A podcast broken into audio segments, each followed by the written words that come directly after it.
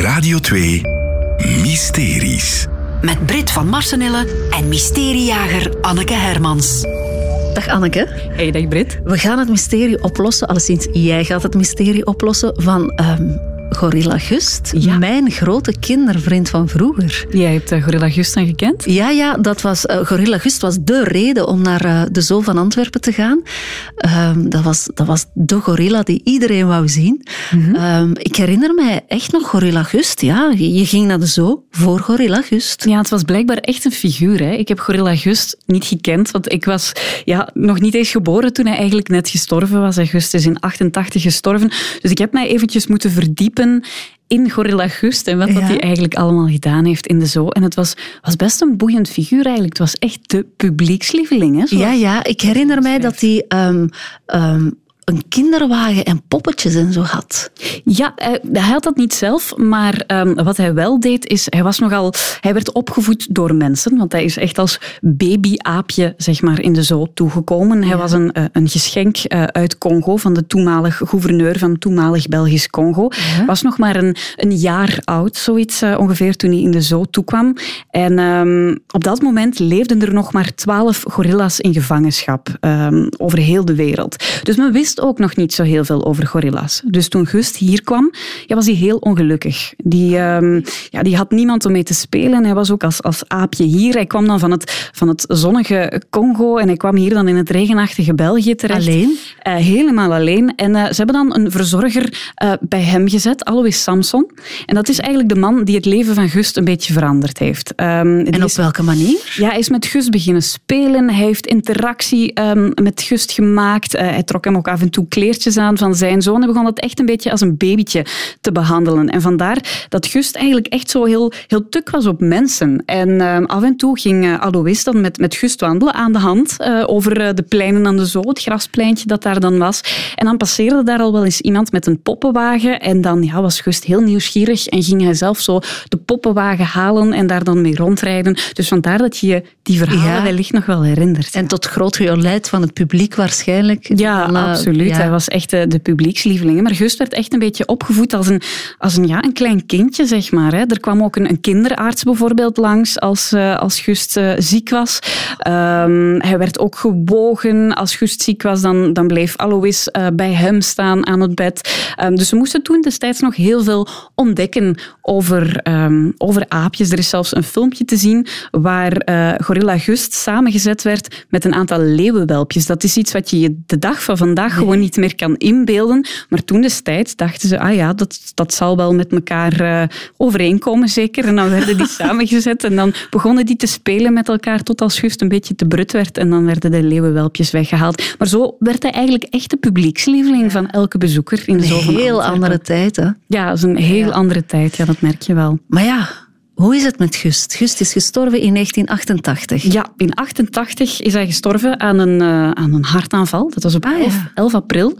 Ehm, en de toenmalige directeur van de Zoo Antwerpen zou daar echt zo het hart van in geweest zijn, omdat dat zo'n publiekslieveling was, dat hij volgens de geruchten Gust in zijn geheel, en dan moet je je inbeelden, dat is een volwassen eh, gorilla van 180 kilogram, dat hij in zijn geheel in de diepvriezer is geplaatst. En het gerucht gaat dat hij daar tot op de dag van vandaag nog zou liggen, in die diepvriezer. Een grote diepvriezer, denk ik dan. Een hele grote diepvriezer, denk ik. Ik moet niet denken dat zo'n gorilla in mijn diepvriezer Nee, in de keuken zit, want die past er denk ik niet in. Nee.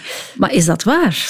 Nee. Het is niet waar. Ehm, of het is gedeeltelijk waar. Ehm, het is namelijk zo dat Gust wel degelijk in de diepvriezer is geplaatst meteen na het overlijden. Want ik heb daarover gepraat met eh, Francis, Francis Verkammen. En dat is de dierenarts van de Zoo Antwerpen. En blijkbaar is het, is het een soort van procedure dat als een dier komt te overlijden, dan wordt daar een autopsie op gedaan om te Ja. kijken van ja, aan wat is dat dier gestorven? Zijn daar genetische mankementen waar wij rekening mee moeten houden?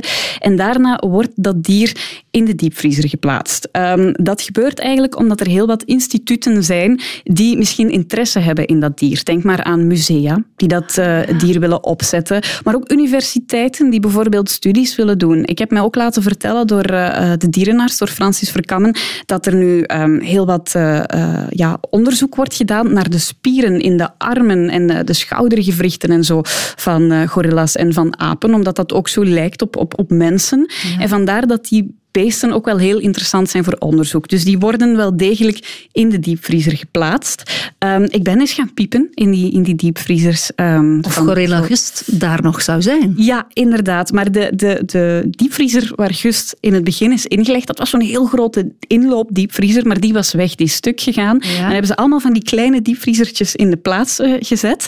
Uh, ook zo van die grote kuipdiepvriezers, die je misschien wel kent van bij je grootouders of zo. Maar daar zat Gust niet in. Ik ben een trompetvogel tegengekomen ik ben organen van olifanten tegengekomen, maar juist zat er niet in. Maar hier in Antwerpen Hier in Antwerpen, diepvriezertjes? Ja, die staan daar gewoon bij de, bij de dierenarts uh, ja. en in verschillende lokaaltjes daar rond eigenlijk. Uh. Ja. Maar geen gust te zien. Geen gust te vinden, nee. Waar dus, is die dan? Ja, ze wisten het daar ook niet. De dierenarts uh, Francis Verkammen hij wist ook niet echt waar Gust naartoe gegaan was. Maar hij wist mij wel te vertellen van kijk, die, die instellingen die onderzoek doen op die dieren. Wij werken wel heel veel samen met musea. Uh, musea in uh, Vlaanderen en in Brussel. Dus misschien moet je daar eens gaan kijken. En dan kregen we van een luisteraar een tip. Die zei, ik meen me te herinneren dat ik de opgezette versie van Gust ooit een keertje heb gezien in het Afrika Museum in Tervuren. Ah ja. Dus ben ik in mijn auto gesprongen, ik ben naar Tervuren gereden. Uh, ik heb daar een afspraak gemaakt met Garen Kaal, uh, dat is daar onderzoeker. Uh, en uh, hij heeft me meegenomen naar echt, dat heb ik nog nooit gezien. Dat waren allemaal kamers met kasten en kasten vol met uh, skeletten, met opgezette dieren. Um, dat wordt daar allemaal bijgehouden om enerzijds onderzoek op te doen, maar ook anderzijds tentoon te stellen. Ja. En hij vertelde mij inderdaad van, ja kijk, wij, wij hebben een samenwerking met de zoo. Er komen regelmatig um, dieren van de zoo naar hier, die wij dan bijhouden in ons archief. Er is ook één gorilla uit de zoo na de dood van Gust naar daar gekomen, of sinds die periode van Gust. Maar het was maar niet Gust. Nee, het was geen westelijke laaglandgorilla wat Gust was. Dus Gust was niet in Tervuren. Maar waar dan wel? Ja, dat, dat, daar zong de moed mij wel een heel klein beetje in de schoenen, uh, moet ik zeggen. Ik dacht, we gaan Gust eigenlijk nooit vinden.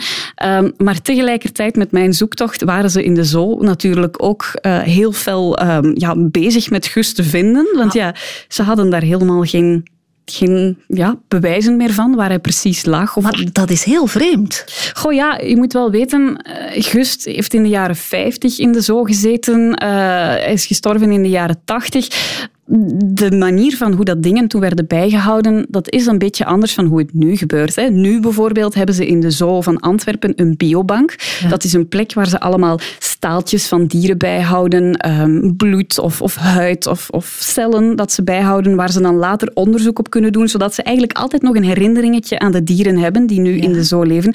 Dat was vroeger niet echt het geval. Um, maar goed, ze zijn in de zoo echt gaan, gaan graven in hun archieven. En daar in het archief op een plank lag een schoendoos. En in die schoendoos zat de schedel van Gorilla Gust. Is dat echt waar? Dat is echt waar. Dat is een, uh, ik ga het even voor jou omschrijven. Dat is zo een, ja, een iets hoger dan een schoendoos. Zo. Een doos waar je van die fotocopieën in bewaart. Een, ah, ja. blauw, een blauw-witte doos. Daar zat de schedel uh, van Gust in. En ze hebben daar ook uh, gevonden dat enkele botfragmenten van Gust, die zouden ook naar het Koninklijk Belgisch Instituut voor Natuurwetenschappen in Brussel gegaan zijn. Dus Gust ligt een beetje verspreid tussen Antwerpen en Brussel. Maar zijn schedel uh, compleet met tanden erop en eraan. Die ligt dus in het archief uh, in de Zoo van Antwerpen. Ik vind het toch tristig, Anneke, dat Gorilla Gust moet verder leven in een schoendoos in het archief van de Zoo van Antwerpen. Dus misschien moet de Zoo van Antwerpen met die schedelpronken en het verhaal van Gorilla Gust verder laten leven bij de volgende generatie. Dat zou wel heel mooi zijn. Och, arme Gorilla Gust. Meer mysteries? Volg alles in de Radio 2-app.